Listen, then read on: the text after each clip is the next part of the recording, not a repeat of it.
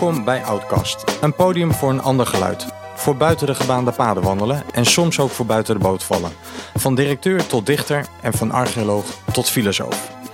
En vandaag in de Herbergstudio is de gast Ronald Simons. Van harte welkom. Ja, leuk om hier te zijn, Ja. eh, Simon. Ja. Ja, eh, enorm leuk. Ja. Ja. Ja, wil je nog wat zeggen? Je, je kijkt Nee. me zo aan van, eh, nou, let's do it. Ja, let's do it, Ja. zou, zou ik zeggen, ja. Nou, even voor de mensen die jou eh, eh, niet kennen. Ja, wij hebben elkaar heel lang geleden ooit eens een keer ontmoet. Ja, In een, in een ja, conferentiezaal bij de Baak in Zeist of Driebergen. ja daar deed je allerlei leuke dingen. Ja, stoelen stapelen. Ja, ja. Had ik net mijn eerste managementboek geschreven, Ja. Animal Firm. Dus Ja. ik was nogal van de beestenboel en Ja. de apenkooien. Hoe gedragen mensen zich Ja. en hoe verhoudt dat zich Ja. tot de dieren? Ja, en lekker ontregelen die bende. Dus dat was onze eerste kennismaking ooit. En eh, toen de tijd zat je nog bij eh, Functie Mediair als, eh, als directeur. En eh, nou, inmiddels heb je sindsdien een, eh, een hele reis gemaakt. Op dit moment ben je verbonden aan vereniging Reable Nederland. Daar gaan we het ongetwijfeld later ook nog eh, over hebben. Ja. Ehm, ja, je bent eigenlijk interim bestuurder, directeur. Ehm, en eh, ja, je bent ook moderator, dan wel begeleider, programmamaker bij leiderschapstrajecten.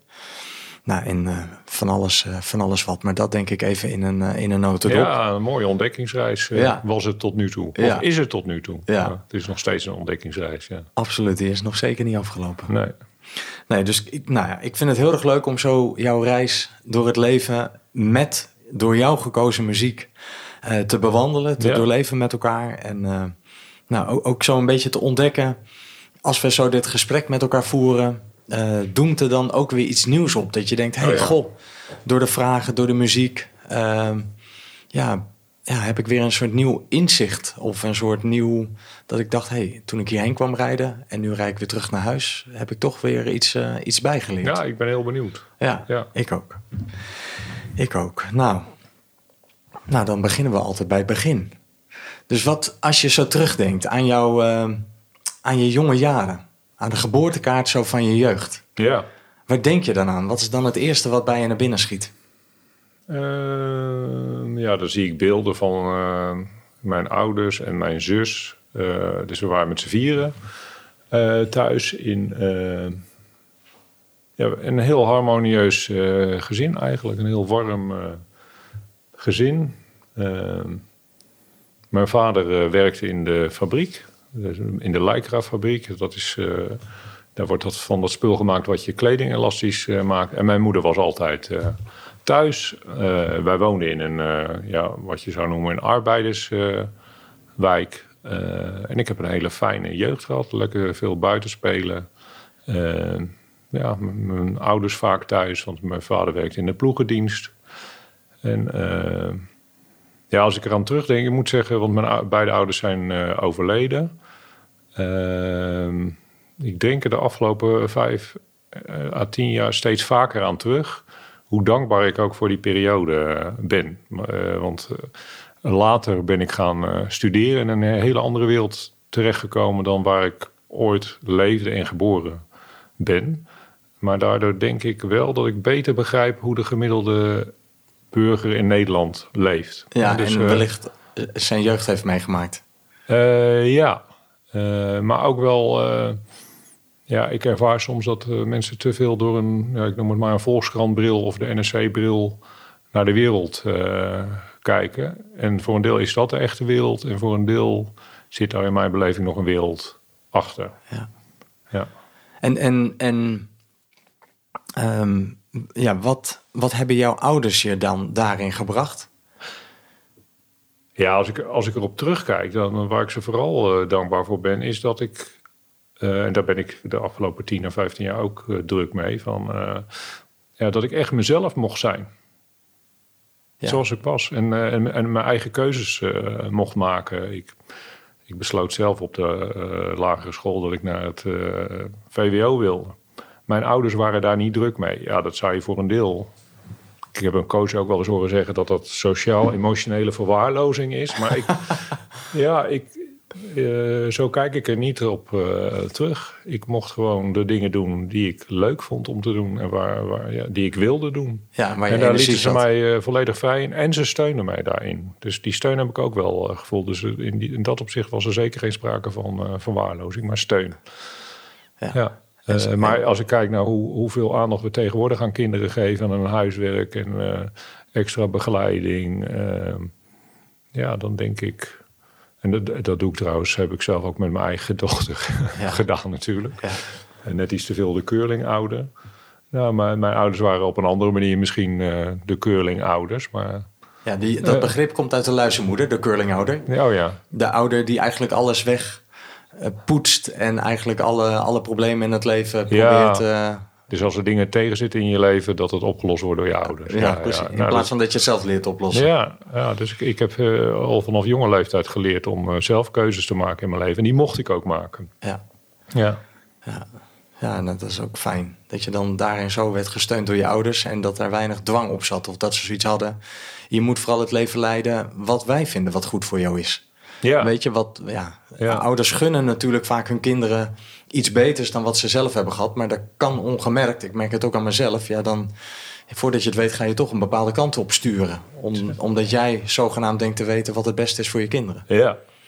Nee, dus daarom ben ik nooit gestuurd. En wat mij verder bij staat van mijn jeugd. Ja, wij, wij woonden in uh, fletjes van 60, 70 vierkante meter. Uh, er was niet enorm veel geld, maar ik heb nooit het gevoel gehad dat er gebrek was aan iets. Ook niet gebrek aan geld. Dus dat vind ik ook nog wel fascinerend. Ik ben later natuurlijk alleen, ja, tenminste als ik kijk naar mijn huidige levensstandaard ten opzichte van mijn ouders.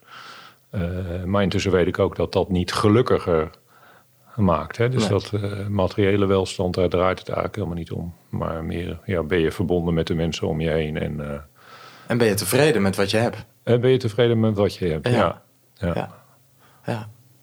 En, en, en, maar jullie waren dus met z'n zessen. Want je zegt, je had, jullie waren met z'n vieren thuis. Dus ja, nou, ook, nee, uh, ik, ik, ja, met z'n vieren met mijn ouders erbij. Oké, okay, dus, ja, had... dus ik, een zus, uh, Anita, die is vier jaar jonger dan ik. Oh, vier jaar jonger, dus je was de oudste. Ja, ik was de oudste, ja. En, en, en wat betekende dat nog thuis, als je er zo op terugkijkt? Nou, eigenlijk, dat... dat um, nou, niet zoveel eigenlijk. Ook oh, mijn zus heeft gewoon de eigen pad gelopen. En uh, dat mocht ze ook lopen. Dus mijn, mijn zus heeft zo'n new wave periode gehad met getoupeerd haar en uh, een volledig uh, zwarte kledingkast. En ja, er werden wel eens door vrienden mijn ouders gevraagd: ja, wat vind je er dan van dat je dochter er zo bij loopt? En nou, dan zei mijn vader, het gaat wel over. en uh, dat ging ook over. En Anita is ook prima terechtgekomen, een uh, mooi gezin. En uh, is ook haar, die, die werkt met mensen met een verstandelijke beperking. ja, doet heel mooi en betekenisvol werk en is daar blij mee. Dus ik denk, we, we hebben allebei onze weg in het leven ja, goed gevonden. En hoe was jullie band? heel goed. Ja, heel goed. Ja, kijk... Er zat toch vier jaar verschil tussen. Dus ja, misschien dat ze ook wel naar je opkeek. Ja, dat zou ik er dan nog eens moeten vragen. Dat, ja. dat, dat, hoop ik niet. Nee, ik heb altijd een hele goede band met haar gehad. Uh, wij kunnen echt lezen en schrijven uh, met elkaar. Uh, ja, wat, wat, wel een bijzonder, wat wel bijzonder is aan ons gezin... is wel dat er nooit ruzie was. Dus ik heb op latere leeftijd heb ik ruzie... moeten leren moeten maken. leren maken. Ja, dat is ook een kwaliteit. Ja, ja, dat is zeker een kwaliteit. En uh, dus ik, ik heb, nou ja, ik ben nu 57 en mijn zus uh, hoort. Uh, nou, 53 dan? Ja, die is 53. En ik heb nog nooit ruzie gehad met mijn zus. Ook niet toen ze jong was. En op latere leeftijd niet nooit. nou ja, daar valt ook wat voor te zeggen. Ja, dat is ook wel fijn. Ja, toch. Ja, ja, ja. ja, ja. Nou, nou, ach ja. hey, um, het eerste nummer van de dag. Ja. Wat even één, twee zinnetjes erbij voordat we daarna gaan luisteren. Uh, ja, Sky Full of Stars van Coldplay. Ik ben een enorme fan van Coldplay. En uh, ja, ik heb daar herinneringen aan dat ik uh, met mijn beste vriend Ruud uh, Coldplay een keer gezien heb live. En met mijn dochter intussen ook al twee keer. En dit is zo'n nummer waar het hele stadion uit zijn dak gaat. En ik heb dus de... Uh, staan springen en staan dansen met mijn uh, dochter. En uh, Dat vind ik mooie beelden. Een sky full of stars staat voor mij ook voor liefde. Maar ook de, de, de sterren aan de hemel eh, voor de overleden mensen, waaronder mijn ouders. Uh, ja, en Sky Full of Stars staat ook voor liefde. in, dit, in dit geval de liefde voor Jolieke, mijn vriendin. dus ik, ja, ik vind het in heel veel opzichten een heel mooi nummer. Ik heb er heel veel gevoel bij. Nou, een, een, veel betere introductie kan het niet krijgen. Dus ik stel voor dat we er lekker naar gaan, uh, gaan luisteren. Ja. Een, uh, een muziek vol liefde. Ja. Een Sky Full of Stars van Coldplay.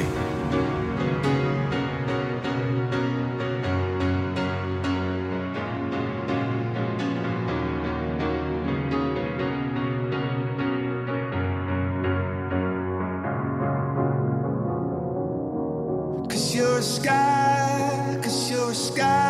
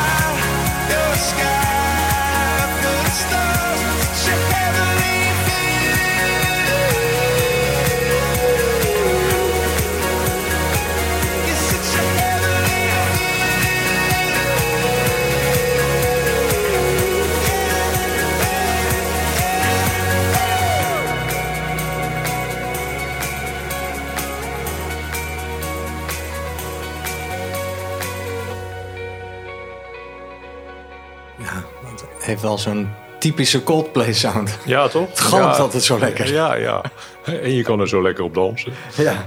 Ik kan er niet vaak genoeg hoor. Ik eh, blijf ervan genieten Ja? van dat nummer. Ja. En, en, en waar denk je zo nog aan als je er zo eh, naar luistert? Zoals we net deden. Ja, dan zie ik toch eh, het beeld van mij en mijn dochter dansend en springend. Vorig jaar in het stadion in Brussel. Ja? Ja. Gewoon een levensvreugde. En, En de band samen. ja, Dat je denkt, hey, het leven gaat door. ja, Zoiets. ja, Ja. ja. ja. You get lighter, the more it gets dark. Vond ik een mooi zinnetje wat mij eh, aansprak uit het, eh, uit, het, eh, uit het liedje. ja. Dus het, het wordt lichter hoe donkerder het wordt als ik aan jou denk of zo. Het wordt lichter hoe donker het wordt. Ja. ja. Geen eh, schaduw zonder licht. Nee, het ook, nee, het hoort bij elkaar. Hè? Ja. Hoort bij elkaar. Nou, en zo. eh, dus, en, je- en je zei al eerder, weet je, het gaat voor mij ook over liefde voor, hè? Dus liefde voor mijn dochter, eh, liefde Ja. voor mijn vriendin. Voor vrienden. Ja. Ja. Ja, ik leef graag vanuit liefde, moet ik zeggen. Ja. Ja, als een soort eerbetoon wellicht wel ook aan je ouders. Die je dat zo hebben meegegeven. ja, ik denk dat daar voor een belangrijk deel ook mijn ouders een rol in hebben gespeeld. Ja. Ja, dat je denkt, die fakkel wil, wil ik doorgeven. Ja. ja. Ja.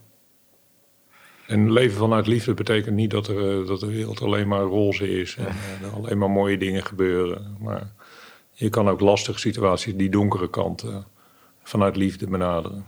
Ja, Ja. ja. Ja, mooi. Ja, soms laat ik het ook dat ik denk, nou, ja, zijn stiltes soms nog beter dan woorden. Dus ik denk, ik probeer niet alles op te vullen met. nee. Hey, en wat was zo'n. ehm, eh, want je zei het net al een beetje, hè, zo'n. eh, die, die liefde is ook nodig om die donkere momenten in het leven aan te kijken. Wa- Wat was zo'n donker moment voor jou in het leven? Ja, donkere momenten, daar denk ik toch aan eh, mensen die overlijden. Het overlijden van mijn vader, die eh, was... eh, die had gewerkt van zijn veertiende tot zijn 61ste, was vier maanden met pensioen en eh, lag dood in zijn bed. En gelukkig heeft hij genoten en geleefd in, en niet alles uitgesteld tot na zijn pensioen. Ehm, maar ja, dat zet je toch wel aan het, aan het denken. Ik ben nu, ik word in oktober 58, dus over een jaar of drieënhalf overleef ik mijn va- vader. Ja, vader. Hoop, hoop ik dan Ja, natuurlijk. Hè? Dus, eh, ja, en ook het overlijden van mijn moeder. Dat was in, eh, mijn vader is in 2001 overleden, mijn moeder in 2013. Ja, dat vind ik wel de donkere momenten. Het hoort bij het leven, dat snap ik ook. Maar het zijn absoluut de mindere momenten in het eh, leven. Ja. En nou, scheiden. Hè, eh, 15 jaar geleden ben ik gescheiden van de, ja, de Astrid, de, de moeder van Natasja. Gelukkig in, in harmonie. Ja. Maar, ja, Daar ging ongetwijfeld ook wel wat ruzie aan vooraf. ja, zeker. Nou, ja, ik ben Astrid nog steeds heel dankbaar. Eh, ik noem maar eh, mijn favoriete ex. ik, ik, eh, ik ben Astrid nog steeds heel dankbaar dat ik eh, eh, in de relatie met haar ruzie heb leren maken. Ja. Ja. Ja. ja, dus dat heeft ze je gebracht. Ja, Ongetwijfeld ja, nog heel veel andere dingen. Naast natuurlijk ook een mooie dochter ja, die jullie absoluut, op de wereld absoluut, hebben gezet. Absoluut, ja. Ja, je favoriete ex. Nou ja, en, eh, nou ja. Nee, maar dat, dat ja, scheiden en natuurlijk het, het, het, het vertrek zo van ouders. En dat je ook een beetje verweest. Ja, Hè, want dan ben je in één keer eh, zonder degene die jou zijn voorgegaan. ja. En uh, nou, het is alweer drie, ja, bijna drieënhalf jaar geleden is een uh, goede vriend van mij overleden aan leukemie. En, ja, een, een, een, leeftijdsgenoot, zeg maar. dus ook dat vind ik donkere ja. Kant in het leven. Ja, dus daar, daar denk ik eerder aan dan dingen die, die tegenzitten in werk of zo. Of, ja. ja, dat wordt allemaal een stuk relatiever, hè? Absoluut. In het licht van ja. dat soort grote verhalen. Ja. ja. ja. En, en, en wat, wat heeft het je gebracht ook? Wat is de winst geweest van dat verlies? Ze gaan weg, dat doet pijn, dat doet zeer. En rouw gaat altijd in fases. Maar wat heeft ja. het je ook gebracht? Ja, dat je nog bewuster gaat leven en nog bewuster keuzes maakt. En nog meer doorhebt wat er nou echt belangrijk is. Uh, uh, Zoals wat? Ja. Heb je daar een voorbeeld bij? Dat je denkt, weet je, ik ben bijvoorbeeld veel gerichter daarvoor gaan kiezen. Of nou, dat kijk, uh, gaan laten?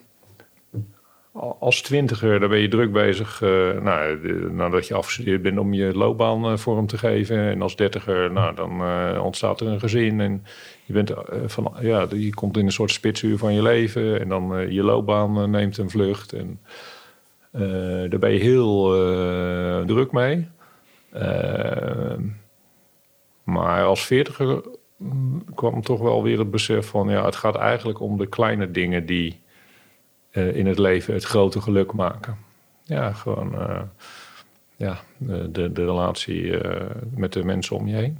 En de verbinding met, je, met de mensen om je heen. En de momenten die je daar meemaakt, dat, dat, probeer ik in ieder geval mijn dochter ook mee te geven. Zo'n Coldplay moment of mo- momenten met elkaar creëren, daar gaat het om. En dat kunnen hele grote momenten zijn, maar het kunnen ook hele kleine momenten zijn. Gewoon met elkaar op een terras zitten of de, samen kerst vieren, wat wij eh, graag doen in de, de familie. Eh, ja, en ja, dus om dat soort dingen draait het. Ja. Dus je je daar bewuster van zijn. Het, ehm, ja, relativeren. Ja, kijk, eh, een- mm, ik heb jaren geleden eh, een eh, boek gelezen van een palliatief verpleegkundige, eh Bronnie Ware. En die, eh, die interviewde mensen in de laatste maanden van hun leven. en dat ging over de regrets of dying, of the dying. Waar heb je nou spijt van in je leven? Nou, daar, daar komt zoiets als werk echt totaal niet Nee, het zijn allemaal kinderen volgens mij. voor. Nou, ja, bovenaan staat eigenlijk niet trouw zijn aan jezelf. Dus niet de keuzes maken die je eigenlijk wil maken. Nou, verder eh, heeft het ook te maken met tijd en aandacht besteden aan familie en vrienden.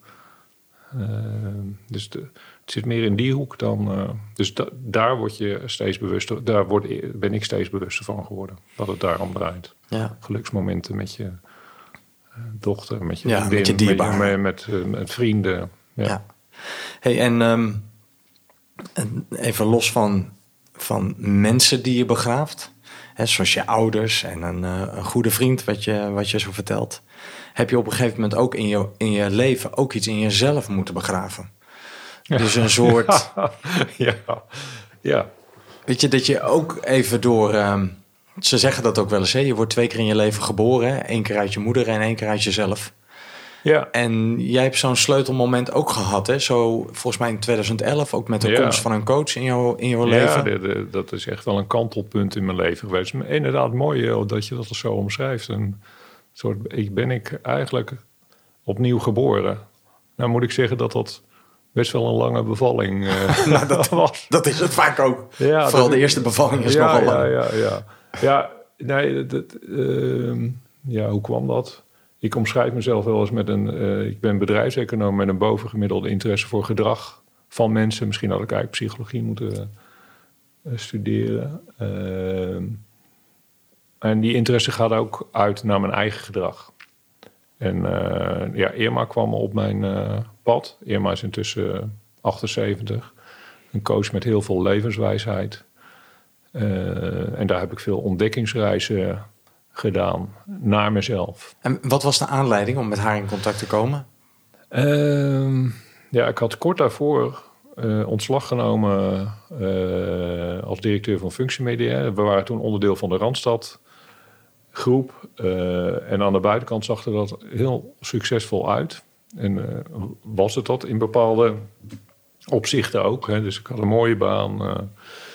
Eh, Mooie functietitel. Mooie functietitel. eh, ik verdiende goed. En eh, nou, zowel functiemedia als Randstad, bedrijven die op, op zich heel goed voor medewerkers zorgen. Maar Randstad is, zit in een beursgenoteerde context. en los van het feit dat daar ook een gerichtheid is op de mens, ging het toch wat meer om kwartaalcijfers. En dat begon me in toenemende mate tegen te staan. Eh, en ik dacht, ja, als ik hier mijn loopbaan verder wil vervolgen, dan moet ik een deel van mezelf gaan inleveren. Zo voelde het. Welk deel, dat wist ik eigenlijk nog niet zo Nee. eh, eh, precies. Dus ik heb daar ontslag genomen zonder dat ik wist wat ik daarna ging doen. En ja, toen dacht ik, ik, ik was toen midden 40 en ik had zo'n vraagstuk: eh, hoe maak ik meer verbinding tussen eh, wat ik denk en wat ik voel, eh, dus mijn hoofd, hart En buik, ja, dat is volgens mij zo'n... ik weet niet of het alleen een mannenvraag is, maar in ieder geval... Een, Het was jouw vraag. het was mijn vraag. Ja. En ja, Irma heeft mij daar goed op weg geholpen. Maar ook, ook wel heel confronterend om zo'n proces te lopen. Irma is nogal van de intensieve coaching. Dus ik ging daar in de beginperiode wekelijks naartoe. eh, en op basis van mijn biografie eh, schrijven. Eh, ja, eh, doken we dan bij mij eh, naar binnen. En eh, ik was toen denk ik nog wel een beetje lui als het daarom eh, ging. Want eh, bij sessie 13 kreeg ik van Irma te horen... joh, als jij denkt dat het alleen in deze sessie gebeurt... dan moet ik je even teleurstellen. Het meeste werk moet je verrichten als wij elkaar niet zien. Dus dat begreep ik toen nog niet zo goed. Eh, dus daar, ik, ik, ben aan de slag gegaan omdat ik dacht dat ik wist wat ze bedoelde. Ik kwam een week later terug. En eh, ik vertelde trots aan de, nou, bijna aan de juffrouw van wat ik allemaal gedaan had. In de tussentijd, ja. In de tussentijd gedaan Ja. had. Ik heb mijn leven gebeterd. Ja, en eh, toen zei ze...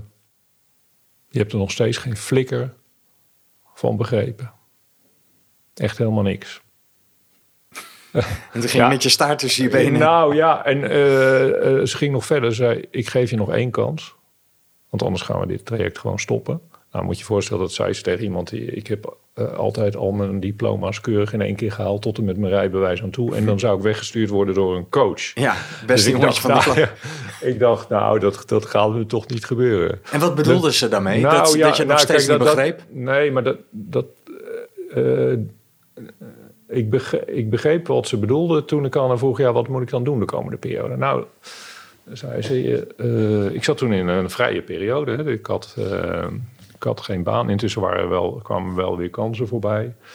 Eh, ze zegt, ja, de komende periode ga je in stilte leven. Je ziet niemand, je appt niemand, je belt niemand. Je gaat volledig in stilte leven, met jezelf. Eh, ja, je mag, je, je mag voor je dochter zorgen. En mijn moeder leefde toen nog. Ja, die mag je ook bezoeken. Maar verder helemaal geen afspraken. Ga maar lopen in de natuur. En eh, nou, kijk maar wat er gebeurt. Eh, en ze schreef mij ook nog een, eh, dat ben ik nooit meer vergeten, een beddag voor wat zoveel inhield. Je wordt ochtends wakker. Je mag wat water en brood naast je bed neerzetten. Maar je blijft de hele dag in bed liggen. Je mag niet lezen. Je mag geen tv kijken. Je mag ook niet slapen. Je blijft de hele dag in bed liggen. Eh, ja, wat ik toen enorm van die periode heb geleerd. Ik, ik, ik, ik liep in de natuur rond en begon opeens te huilen. Eh, zonder dat ik precies wist eh, waarom. Ja, als je zo'n dag in bed ligt. Ik heb trouwens gesmokkeld, want de schoorsteenveger kwam langs. moest er even uit. Ik ben hem nog steeds dankbaar. Maar dat was maar een heel kort moment. Maar als je de hele dag in bed ligt, heb je alleen maar jezelf. Ja. Dus je komt erachter dat je zoveel afleiding hebt in je leven, in je werk, vrienden, eh, sporten. Alles doe je om jezelf af te leiden van jezelf. Eh, en als je op zoek gaat naar antwoorden op vragen, dan zoek je die. en Zocht ik die in die fase nog buiten mezelf. Dus eh, een goed boek lezen waarin eh, leuke adviezen stonden. Of eh, professoren die eh, mooie uitspraken deden, die ik dan eh, kopieerde en dacht te doorleven, maar niet doorleefd eh, had. Dus zij bracht mij letterlijk en figuurlijk terug naar mezelf. ja, ook letterlijk. Ja, het, Ja, het le- klinkt nogal eh, radicaal. Ja, het, het was ook, Ja, het was dus je- ook radicaal. Je zou er ook opstandig van kunnen Ja, worden. ik Van, wa- wacht eens even. Nee, ik werd er ook. Ik, toen ze mij die eh, opdracht gaf, dacht ik, ja, what the fuck. Ja. Dat, ja. Weet je, ik had afspraken staan met vrienden. Ik zei, ja. Daar heb ik helemaal geen zin in. Nee. Doe het lekker zelf. Ja, precies. Maar ja, dat, dat, die, die, die, die, die, eh, ja ik, ik heb toch op haar vertrouwd. Ik ben het toch gaan doen. En ik ben er nog steeds eh, tot op de dag van vandaag eh, dankbaar voor. Een, Want een beddag. ja, een beddag. Ja, als ik het sommige mensen vertel, die, die moeten er niet aan denken om Nee. een dag met zichzelf zo geconfronteerd te worden. Nou, ik, ik, ja. En dus sinds die tijd weet ik hoe het is om contact te maken met jezelf. En weet ik ook dat je stilte nodig hebt en tijd met jezelf nodig hebt om in verbinding met jezelf te blijven. Want daar was ik eigenlijk een beetje naar op zoek van. eh, eh, ja, hoe, maak ik die verbinding eigenlijk? Eh, ik voelde, ik dacht, ik soms voelde je dingen en deed je wat anders. Hè, dus hoe zorg je ervoor dat dat allemaal wat meer op elkaar afgestemd is? En daar is, daar is eh, mijn ontdekkingsreis eh, begonnen eigenlijk. Dat was mijn eerste ontdekkingsreis bij Irma. En ik, daarna heb ik er nog een paar eh, Doorleefd. ja, doorleefd. Ja, echt doorleefd. Dus, Ja. Nou, la- laten we even naar het tweede nummer van de dag gaan. ja, Is van Sting. ja. En zij klinkt me ook wel iemand als een Sting. Ja. Snap je? Weet je, Ja, iemand die ja, dan even een steek ja, uitdeelt. Ja, zeker. Nou, van, dat, eh, eh, weet je, nee, de- ja. je hebt er nog steeds helemaal niks van begrepen. Absoluut. Eh, Irma is, die, nou, die heeft een gave, die kijkt dwars door je heen. Dus ik kom daar niet weg met lulverhalen. Dus, en nee, zeker. Maar in dit geval gaat het nummer over... if you love somebody, set them free. Ja, en ik, ik heb bedacht van... eh, dat begint eigenlijk met jezelf bevrijden van je eigen ijzeren kooi van eh, belemmerende overtuigingen en beelden over jezelf die je in de loop der jaren hebt opgebouwd. Die voor een deel kloppen en voor een deel Ja, je ook Niet. gevangen houden. ja, je ook Ja. gevangen houden. Dus eh, hoe, hoe bevrijd je jezelf en hoe durf je echt jezelf te zijn met alle plussen en minnen? Ja, Ja. If you love somebody, set them free. Nou, er valt nog wel meer over te vertellen. Ja, zeker, Maar ik vind het vooral leuk om eh, nu naar eh, Sting te gaan luisteren. ja, ik ook. Nou, dat gaan we, dat gaan we doen.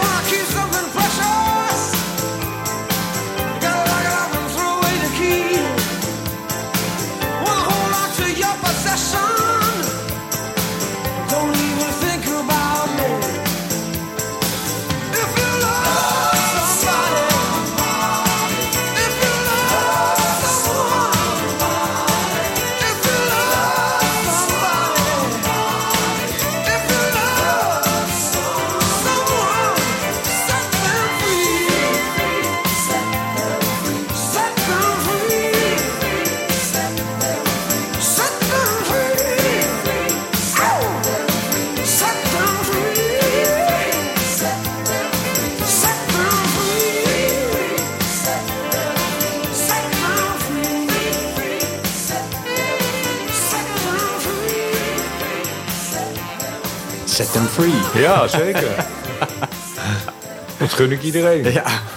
Hey, en ehm, zo in die ontdekkingsreis hè, bij, bij Irma... en ook als je zo naar, dat, naar dit liedje zo van Sting luistert...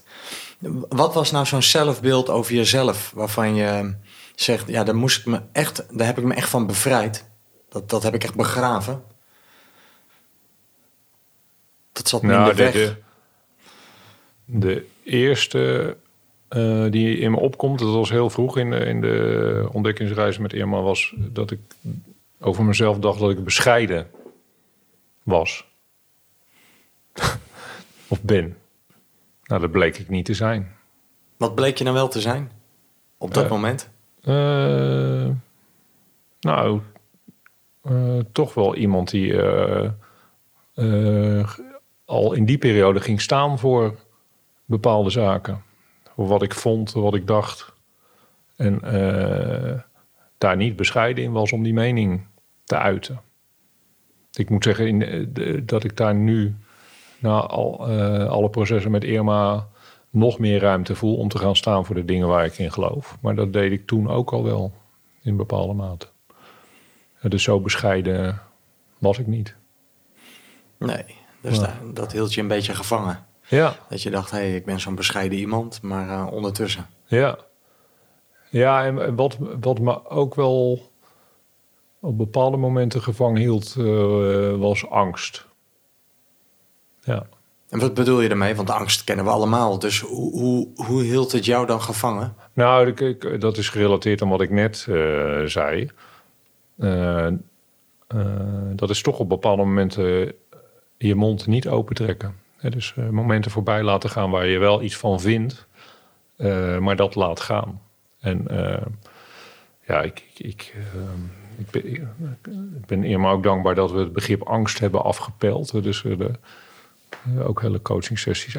Van waar, ja, waar ben je bang voor? En wanneer is angst functioneel en wanneer niet? Ja, ik denk dat het de basis is angst voor afwijzing. Dat als je ergens voor gaat staan of als je iets vindt eh, wat de rest niet vindt, dat je bang bent dat je geen onderdeel meer bent van, het, van de groep of het geheel, of dat je afgewezen wordt. Ja, dat je er Eh, buiten valt. Ehm maar ja, eh, van Irma heb ik geleerd van eh, niet communiceren is ook communiceren. Dus als je, Absoluut. niks, als je niks zegt, zeg je eigenlijk daarmee ook Ja. heel veel. Alles is gedrag. Ja, alles is gedrag.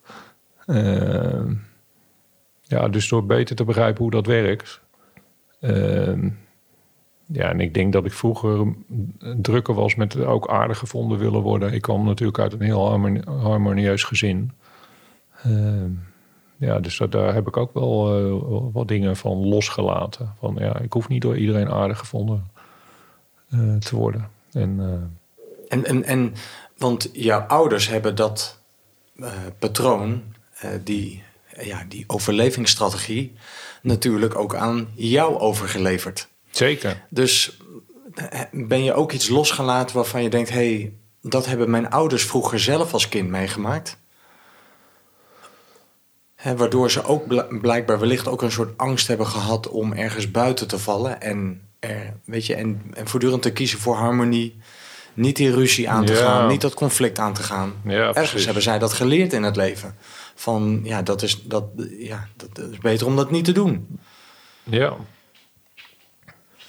Ja, ik, ik kan me voorstellen dat het ook in hun eh, jeugd speelde. Ehm, ja, ik vond, ik vond mijn ouders altijd veel te bescheiden, ook in gezelschappen en zo. Dus ik, ik denk dat ik daar wel iets van mee heb gekregen.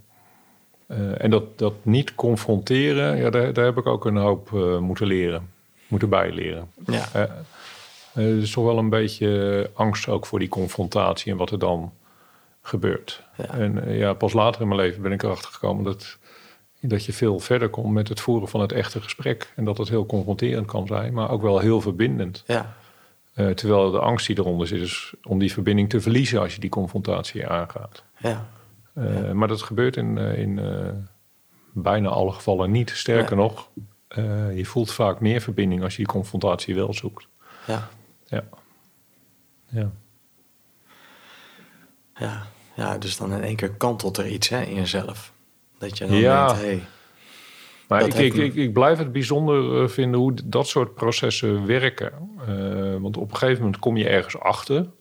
ook door, door de, eh, dingen door te werken. En dan, dan weet je het. Maar je komt er pas weer later achter dat het dan nog niet helemaal doorleefd is. Ja, je weet het wel en je gaat het herkennen. Dus je wordt er bewust van. Maar het is nog niet helemaal doorleefd. Dus je hebt, je hebt la- best wel lang de tijd nodig om dat echt onderdeel van jezelf te Een laten soort worden. in- incubatietijd. Ja, ja, ja, ja, ja. Maar het begint natuurlijk met bewustwording. Ja. Dat wel, ja. Ja, dat je het gaat zien en gaat herkennen. Ja, ja, ja. En daarna pas gaat, gaat voelen en doorleven. Dat je Ja. denkt, hé, hey, god, daar gebeurt het weer. Ja. Of daar doe ik dat weer. Ja, ja. En dan heel langzaam ga je het, eh, nou, veel, wordt het een soort eh, diepe gong die van binnen dan klinkt. Dat je dan denkt, hé, hey, nu wil ik het echt anders gaan doen. Ja, maar ook daar eh, heb je weer die stiltetijd voor nodig en reflectie. En ja, ik, ik reflecteer door, dan door af en toe dingen voor mezelf op te schrijven. Om het op die manier een plek te geven en het te doordenken. Maar uiteindelijk moet je het ook doorvoelen. Ja. Ja. Ja, nou, dus toen ben je een beetje opnieuw geboren. Ja, in die eh, trajecten met Irma, ja, zeker. Zeker. Het heeft mijn leven eh, verrijkt en eh, meer richting gegeven. Ja. En, en hoe merken de mensen om je heen dat? Wat, wat is je dochter bijvoorbeeld over jou gaan zeggen na die tijd? ja, ik weet niet of mijn do Kijk, wat ik mooi vind aan mijn dochter is dat die, eh, die heeft gewoon een enorme directheid. Hè? Die zegt gewoon, die durft te zeggen wat ze denkt en eh, tegen iedereen die ze tegenkomt. Daar heb ik wel eh, bewondering voor. En eh, ja, zij, eh, zij heeft veel waardering voor mij. Ik, ik heb een hele goede band met eh Natasja. Maar ze, zij vindt me ook af en toe wel een beetje een hippie. Hè, dus eh, dat ik leef vanuit liefde. En, eh, Flower power. eh, ja, en, en weinig, eh, weinig oordeel. eh, ja. Maar dat heeft denk ik ook met leeftijdsfase te maken. Zij is twintiger en ik ben vijftiger. Dus dan, eh, Ja, dan zit je nog vol verlangens, dromen en ideologieën die, Ja. je, die je drijven. En later op in je leven hoor je, nou, althans, kan ik me voorstellen. Ik Oh, ben eh, 42, Ja. dus ik, ik wil Ja. mezelf zeker niet ja, jij zit uitrekenen. nog midden niet- in de ontdekkingsreis. Ja, ook. zoiets, Ik trouwens ook nog steeds hoor. Dus, eh, Ja. Nee, dat houdt niet op. Maar ik, ik, nou, ik herken me er wel in dat je daar steeds voorzichtiger in wordt. Of dat je steeds meer denkt van ja, er is zoveel wat ik eigenlijk allemaal nog niet weet. Ja, dat vooral. Ja. En wat voor zin heeft het om voortdurend... eh, ja, er, er is een zinnetje wat altijd met mij meereist. Dat was ooit de titel van een eh, dichtbundel van Rutger Kopland. En dat is, wie wat vindt, heeft slecht gezocht. Oh ja. Dus dat, dat hou ik mezelf altijd voor. Want ik ben er goed in om snel wat te vinden. Ja, Maar dat houdt me dan een beetje alert. Dat ik denk, ja, wie wat vindt, heeft slecht gezocht. ja. Dat ik wat rustiger word in mijn oordeel. ja. En, eh, vooral veel vragen eh, ja. stellen en vanuit nieuwsgierigheid Ja. naar de wereld kijken. Ja. Ja. nou, dat lukt mij ook de ene keer beter dan de andere Ja, keer. nou ja. Niks menselijks is ons vreemd. Dus eh, zo gaat dat.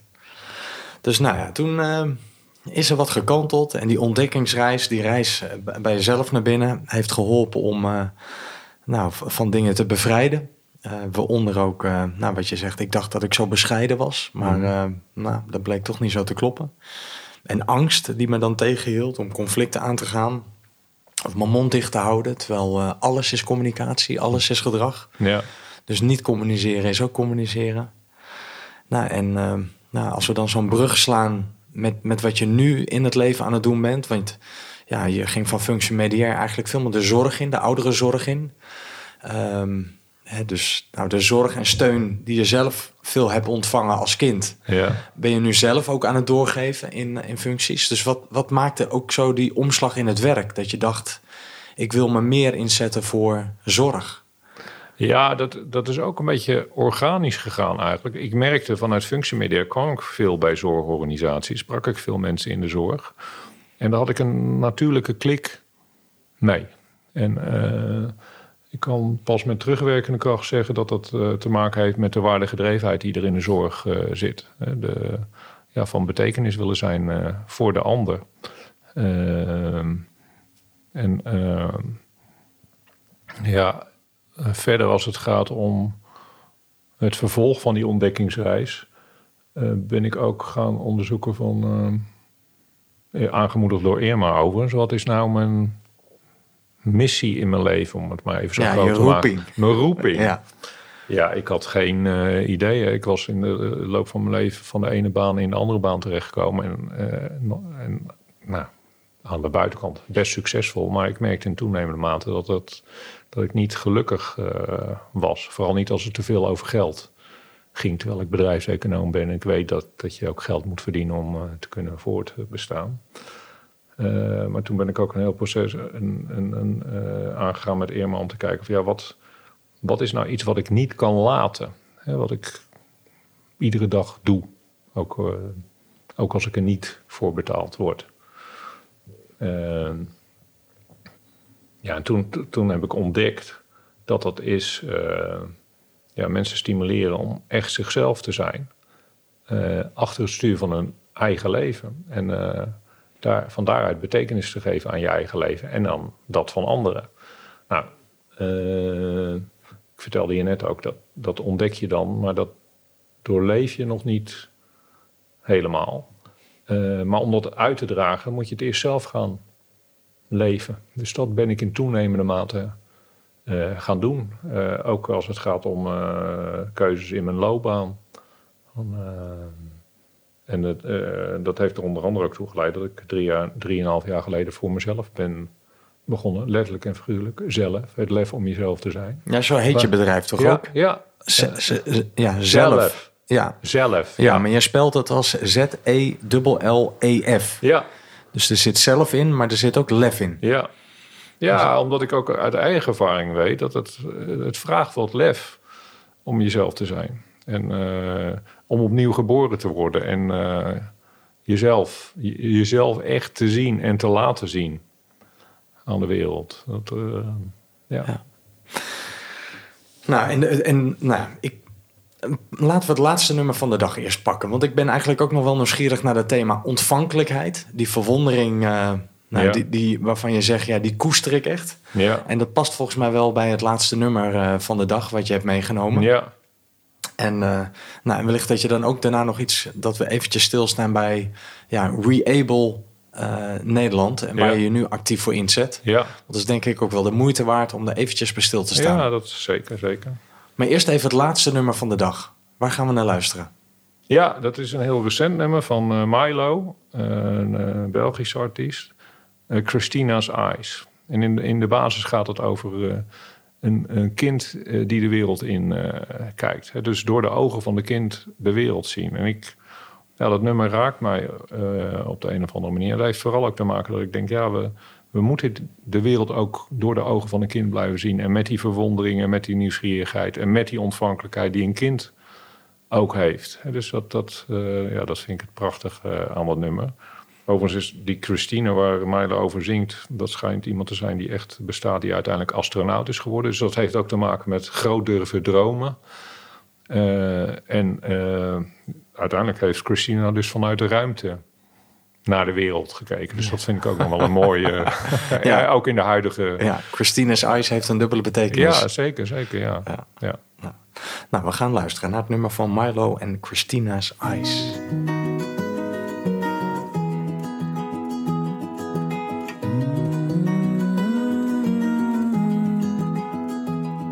There's a girl, so young you would not believe her, barely five. Wise beyond her years, that little girl. She's a fighter and a dreamer. Everyone knew one day she's gonna be a pioneer. Christina says she's gonna dance above the sky. Skipping stones across the clouds into the horizon. Christina's laugh is bouncing off the satellites. How wonderful the world would be if we could see through Christina's eyes. Christina's eyes. She found a light so faint she could barely see it in the dark. Right on the edge of time, close your eyes. Hold your breath and you can feel it. Does it seem sometimes we're all just flying blind?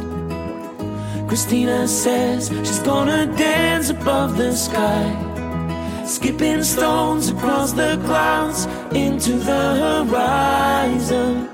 Christina's laugh is bouncing off the satellites. How wonderful the world would be if we could see through Christina's eyes. Through Christina's eyes.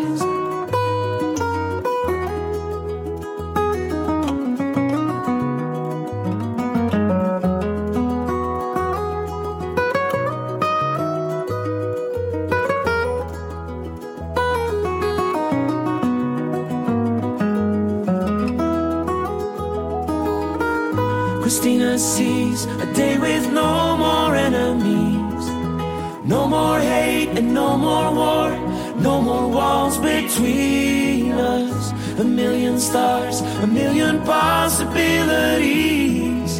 How wonderful the world would be if we could see through Christina's eyes.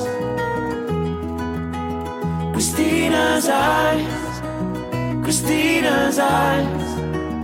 Christina's eyes. Christina's eyes. Christina's eyes. Ja. Wat wil je zeggen? Ja, prachtig nummer. Ik heb hem eh, ook live gezien eerder dit jaar. Ik kan het iedereen aanraden om naar Milo Ja. te gaan. Ja, Dus bij deze een reclameboodschap voor ja, Milo. Ja, zeker. True Christina's Eyes. ja. Ja. En wat roept het nog zo even in je op als je zo naar dat liedje luistert? Ja, dit gaat toch ook weer over jezelf zijn en jezelf durven zijn. En eh, ja, ik, ik, eh, ik, ik ben er ook wel eens ingedoken. Hoe werkt dat nou? En eh, veel over gelezen en ge- gezien. Kijk, als- je bij kinderen tot een jaar of zeven, dan die, zijn gewoon zichzelf. Dus die, die stellen oneindig veel vragen. En als de juffrouw in de klas vraagt wie wil me helpen, steken al die kinderen hun vinger op. Want ze willen dat allemaal, ze durven dat ook allemaal. En naarmate ze ouder worden, eh, dan komt toch wat meer die hiërarchie in de klas. Eh, eh, ja, mijn beeld van het onderwijs is toch dat je behoorlijk wat dingen wordt afgeleerd eerder dan aangeleerd. Met name als het gaat om het, het leven. Ja, dus, dus dat je jezelf als tiener en twintiger al verliest in, in opleidingen en later in werk. En dat je als dertiger, veertiger, nou dertiger zit je nog in het spitsuur van je leven. En dan als dertiger, veertiger moet je jezelf weer gaan terugvinden. Daar heb je vaak weer een coach voor nodig. Ja, of iemand die je daar eh, de Eh, spiegel in eh, voorhoudt. Ja, de, daar de spiegel in voor Ja. houdt. Het is dat, dat trouw zijn aan jezelf. En nu ben ik erachter gekomen doordat ik in die ouderenzorg bezig ben en met Rehable Nederland bezig ben. Ja, dat, eh, kijk, ik ben nu 50. Ik, ik zit, ik, eh, voor mijn gevoel zit ik in de zomer van mijn leven als het om eh, mezelf gaat, om liefde met mijn vriendin, mijn vrienden, mijn dochter enzovoort. En ik kan volledig mezelf zijn. Dus in mijn relatie, in mijn, relatie met mijn dochter, met mijn vrienden en ook in mijn werk. Ik werk met een fantastisch team waar dat ook kan. En bijzonder met Rudy Westendorp werk ik nou samen. En ehm, ja, ik kan zijn wie ik ben en uitspreken. En, eh, maar eh, nu we met die ouderenzorg bezig zijn, kom ik erachter dat als je niet oppast en je wordt ouder, 70er, 80er, dat dat stuur weer uit je handen getrokken Ja, wordt de regie weer overgenomen. ja. Door het zorgsysteem, En, door eh, familie. ja, door het zorgsysteem. die het allemaal en, beter weten. En de familie die heel goed weten Ja. wat goed voor jou is. komen de curlingouders toch weer terug. Nou, nou, nou. Ja, dan worden het, worden het curling kinderen. Ja. Die dan denken dat, voor de, dat pad voor die ouders gewoon eh, te vegen. Dus ja, ik denk dat we daar eh, maatschappelijk nog wel wat te doen eh, hebben. In de zorg wat te doen hebben. Als het gaat om hoe zorg je ervoor. En daar, daar draait Rehable Nederland om. Dat ouderen de regie over hun eigen leven houden. En dat je de zorg daar ook naartoe inricht. Ja. En gelukkig zijn er een, is er een aantal zorgpartijen die dat intussen ziet. En die hebben de vereniging Rehable Nederland opgericht.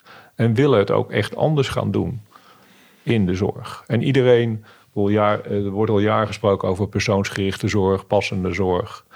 Eh, maar als je in de praktijk gaat kijken hoe, eh, hoe er eh, zorg geleverd wordt, overigens met alle goede bedoelingen, er werken fantastische medewerkers in eh, de zorg, maar er wordt er toch nog een hoop overgenomen van ouderen en eh, voor eh, ouderen gedacht in plaats van met ouderen gesproken. En eh, wordt er niet gevraagd naar behoeften, maar wordt er vrij snel een product eh, eh, aangeboden. Ja. En wat, wat doet Reable Nederland dan anders? Nou, kijk, eh, we zijn opgericht als vereniging omdat er een paar partijen waren die dachten van ja, in die ouderenzorg, daar, daar moeten we het echt anders gaan doen. Overigens ook wel ingegeven door het feit dat er beelden zijn over het toename van ouderen die zorg nodig hebben. En eh, eh, ons beeld is dat het met name komt door de schaarste in de arbeidsmarkt. En dan eh, als relativering, het is niet eens de schaarste, het is dat heel veel mensen niet meer in de zorg willen werken op de manier waarop we dat nu doen.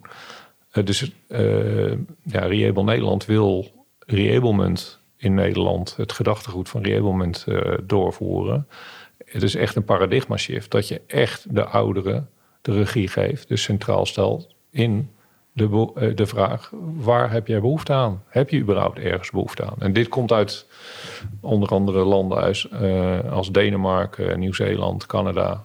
Eh, maar met name in Denemarken is het hele zorgstelsel op reablement eh gestoeld. Dus eh, veel minder productgericht en veel meer mensgericht. Ja, en wat betekent dat dan in de praktijk? Hoe ziet nou dat ja, er dan nou, uit? Nou ja, eh, ik had eerder dit jaar een sessie met wijkverpleegkundigen die zorg thuis leveren. En mijn stelling was, ik dacht, nou, even leuk de discussie. Twee van de vijf mensen die jullie zorg leveren, heeft eigenlijk wat anders nodig dan zorg.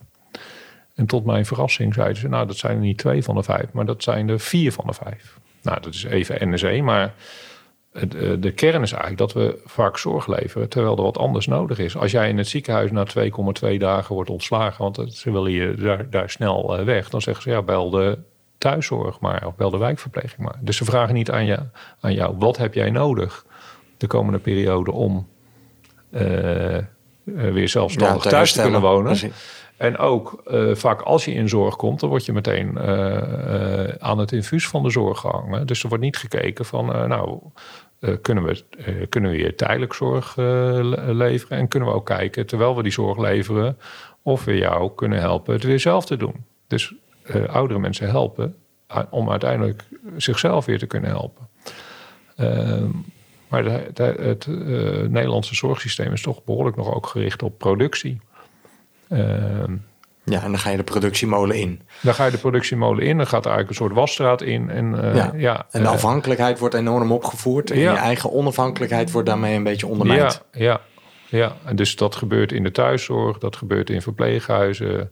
Eh, ja, dat gebeurt eigenlijk op heel veel plekken in de zorg. Ja, dus en, dat- en, en, eh, ja, het, ons idee is dat eh, dat moet anders, maar dat kan ook anders. Dus we willen het ook vooral als wenkend perspectief en minder. Ja, soms is er ook een soort klaagzang van dat er niet genoeg geld is in de zorg. En eh, er wordt er naar Den Haag gekeken wat Den Haag gaat doen. En eh, ja, ook ja, de, de arbeidsmarkt. Nou, onze stelling is: er is geen gebrek aan geld. We leven heel veel zorg die niet nodig is. Het gaat dus ook om het eh, anders aanwenden van het geld. En er is ook geen gebrek aan eh, mensen voor de zorg. Als we minder zorg leveren die niet nodig is, eh, dan kunnen we zorg gaan er leveren ruimte die wel nodig is. Die wel nodig is. En als we het op deze manier gaan doen, veel mensgerichter, dan gaan er heel veel mensen weer terug de zorg inkomen. Ja, en daarvoor is het wel steeds nodig om dus, als je vooral ook denk ik in de zorg werkt, om weer door die ogen van zo'n kind te blijven kijken naar je eigen organisatiemodel. Ja, Hè? En dat je denkt, hé, hey, goh, waar maken we hier toch een onderdeel van uit? En eh, ja, zou het ook anders kunnen? ja, Dus dat begint weer met een beetje verwonderend kijken naar je eigen dienstverlening. ja. Nou, nou, gelukkig zie ik dat bij sommige organisaties dat bewustzijn eh, aan het ontstaan is. Maar dat, eh, eh, ik heb net al iets verteld over eh, van bewustzijn komen naar eh, ander gedrag. Ja, dit is een langdurig eh, Incubatietijd. traject. En eh, ja, onze visie is ook, we, we beginnen niet, want we krijgen dan de vraag, ja, komen jullie onze professionals trainen? Eh, nou, dat willen we wel eh, doen als het gaat om het invoeren van dat gedachtegoed. Maar we gaan eerst een goed gesprek met de Raad van Bestuur, de Raad van Toezicht, de OR, de cliëntenraad voeren. Om te kijken of een organisatie dit nou echt wel wil. Met alle consequenties die daarbij horen. Want dat betekent dat je mogelijk links en rechts minder zorg gaat leveren. Dus minder productie draait. Dus, dus minder verdient. Dus het heeft ook invloed op je eh, financiën Ja.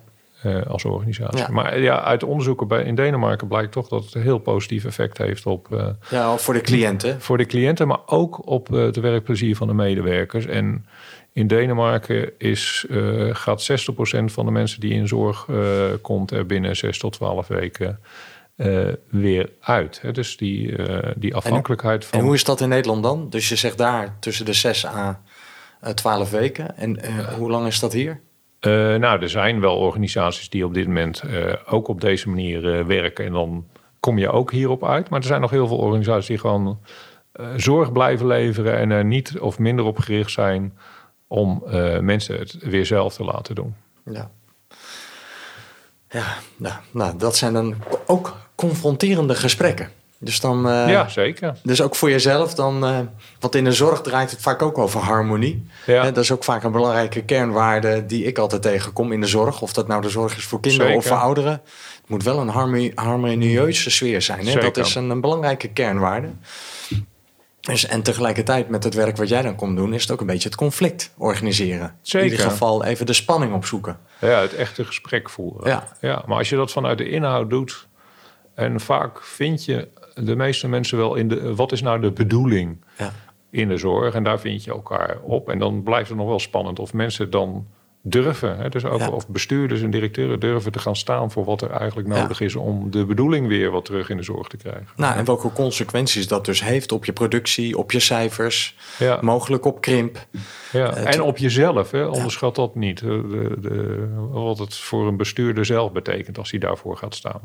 Omdat? Omdat hij daarmee Eh, nou, dan, eh, tenminste in sessies waarin we directeur en bestuurder spreken, komt dan ook af en toe wel op eh, van ja, we, we kunnen niet zomaar minder productie gaan draaien. Hè? Dus, want daar vindt de Raad van Toezicht dan mogelijk wat van. Of als wij op een andere manier gaan werken, dan vindt de IGJ, de inspectie in de gezondheidszorg, daar mogelijk wat van. Dus andere manieren van werken betekent dat je een, ja, nou, je gaat tegengas krijgen. ja, zeker. Het is niet alleen maar applaus. Nee, Nee, Nee, dus dat, nee, dat, dus, dus dat, dat, dat moet je ook als bestuurder aan durven gaan. ja, dat je voor wat hitte. Ja, en dat je voor je medewerkers gaat staan die op een andere manier werken. Ja. Ja, ja, dus dat vraagt ook weer lef. Ja, precies. En ook dat er mogelijk consequenties aan vastzitten die ook jou persoonlijk raken. Ja. Of in ieder geval je professionele rol raken. ja, ja. Nou, mooi. Om nog even aan het einde van het gesprek ook stil te staan bij wat jij doet, of jullie doen met eh, Reable Nederland. ja, En ik, ja, ik vond het heel bijzonder om zo eh, even nou, in een uurtijd zo door jouw eh, levensverhaal te reizen met, met ouders. Op een flatje van 60, 70 vierkante meter, waarin er geen ruzie was. nee. Vooral heel veel steun en ontdek je eigen weg in het leven. En we zijn er voor je. Een zus, Anita, vier jaar jonger, met New Wave en zwart gelakt alles. En je vader alleen maar zei, ehm, eh, het gaat wel over. Het Ja. gaat wel over als vrienden hem vroegen van, eh, wat vind je nou wat je dochter allemaal aan doen is? Nou, het eerste nummer hè, van de dag, Sky Full of Stars. Eigenlijk gewoon een, een lucht vol liefde. Ja. Want dat is waar het nummer voor jou eh, voor staat. En toen naar, eh, nou, naar wat sleutelmomenten in jouw leven. Hè, het opnieuw geboren worden. En even los van de mensen die je bent verloren en begraven hebt in je leven. Maar dat je ook nog iets moest begraven in jezelf. Bepaalde zelfbeelden die je gevangen hield met een eh, confronterende gids. Irma. Die letterlijk en figuurlijk jou uitdaagde. En op een eh, dertiende sessie zei van nu is het klaar. Je begrijpt er nog geen snars van. De komende tijd eh, ga je maar even in isolatie met jezelf. Geen vrienden. En sluit je op in je bed. Kom niet uit bed. Alleen wat water en wat brood. Hè, net zoals Jezus de woestijn inging. Ja. Vasten met jezelf. Ja. Nu is het afgelopen. En dat heeft je wat gebracht. En, ehm, nou, en eh, If You Love Somebody, Set Them Free. Wat ook gaat over je dochter Natasja. Samen bij Coldplay staan. Maar ook eh, nou, de vri- vriendin Jolieke. Die eh, veel voor je betekent. En je favoriete ex Astrid. Die heeft geleerd om ruzie te maken. En ko- kom op, bekend kleur. En, nou, en vervolgens eigenlijk de reis zo terug in de tijd naar hier en nu. Christina's Eyes, door de ogen van een kind. Maar af en toe ook als een astronaut naar jezelf kijken van een afstandje. Met de betekenis die je nu probeert te doen met het Reable Nederland. Jezelf zijn. En eh, nou, ouderen niet te laten, ja, eigenlijk eh, te laten verschralen door hun afhankelijkheid van de zorg. Maar vooral hem eh, te, ja, te kijken van, hé, hey, wat, wat, wat kun je zelf? Wat kun je prima zelf? En daar steunen we je bij. Dan Ja. komt die steun weer terug die je ooit van je ouders, eh, ouders hebt gehad. Zeker. sta op eigen benen. Zeker. Zolang als het kan. Hè, en zo voorkomen dat was curlingouders maar door het leven blijven, blijven wandelen. Nou, dat even in een notendop. Ja. Als ik zo even een breinaal door ons gesprek heen nou steek. ja, mooie samenvatting. Ja. Nou, heb je er nog iets aan toe te voegen? Of iets dat je denkt, nou, dit wil ik toch wel graag nog even vermeld hebben? Of zeg je, het is eh, oké zo? Ja, ik denk. eh, nou, dat uur is omgevlogen. Maar het is mooi om, eh, om terug te kijken op mijn eh, leven. En ook te, te, te voelen en te ervaren waar ik nu eh, ben. Ik voel me echt een bevoorrecht eh, mens. Ik, eh, ik ervaar dat ik in de zomer van mijn leven zit. Ook superleuk dat ik dan een podcast met jou eh, In mag de, doen. in de zomer van je leven. Ja, in de zomer van mijn leven. Ik, eh, ja, eh, als vijftiger, ja, hoe mooi is dat? Ja. Eh, gezond, liefde, eh, vrienden, eh, eh, fijne vriendin. Eh, ja, dus, eh, en, en ik ben, eh, kijk, eh, die ontdekkingsreizen die houden niet op. De, dus ik ben heel benieuwd welke ontdekkingsreizen mij nog te wachten. Ja, wat er nog in petto is. ja, Wat ja. er nog in het vat zit. zeker, zeker. En dan lekker de fakkel van liefde en verwondering en ontvankelijkheid Ja. doorgeven. Precies. Aan iedereen met wie je in aanraking komt. Ja, En vandaag was ik dat. ja zeker. Nou, heel fijn om hier te zijn. Hartstikke leuk. Nou, dankjewel dat je te gast wilde zijn. Ja, nou, graag gedaan. Jij dankjewel voor de uitnodiging. Graag gedaan. Nou, beste luisteraar, dit was een outcast met Ronald Simons, eh, verbonden aan vereniging Reable Nederland. En eh, ik hoop dat je hebt genoten van dit gesprek. Dat het je, nou, wellicht ook weer met een soort verwonderende blik naar jezelf doet kijken. Maar vooral dat je denkt, nou, leuk om eens zo over de schouder mee te kijken en eh, kennis te maken met, eh, met Ronald Simons en zijn Sky Full of Stars. Dus nogmaals bedankt voor het luisteren en heel graag tot de volgende outcast.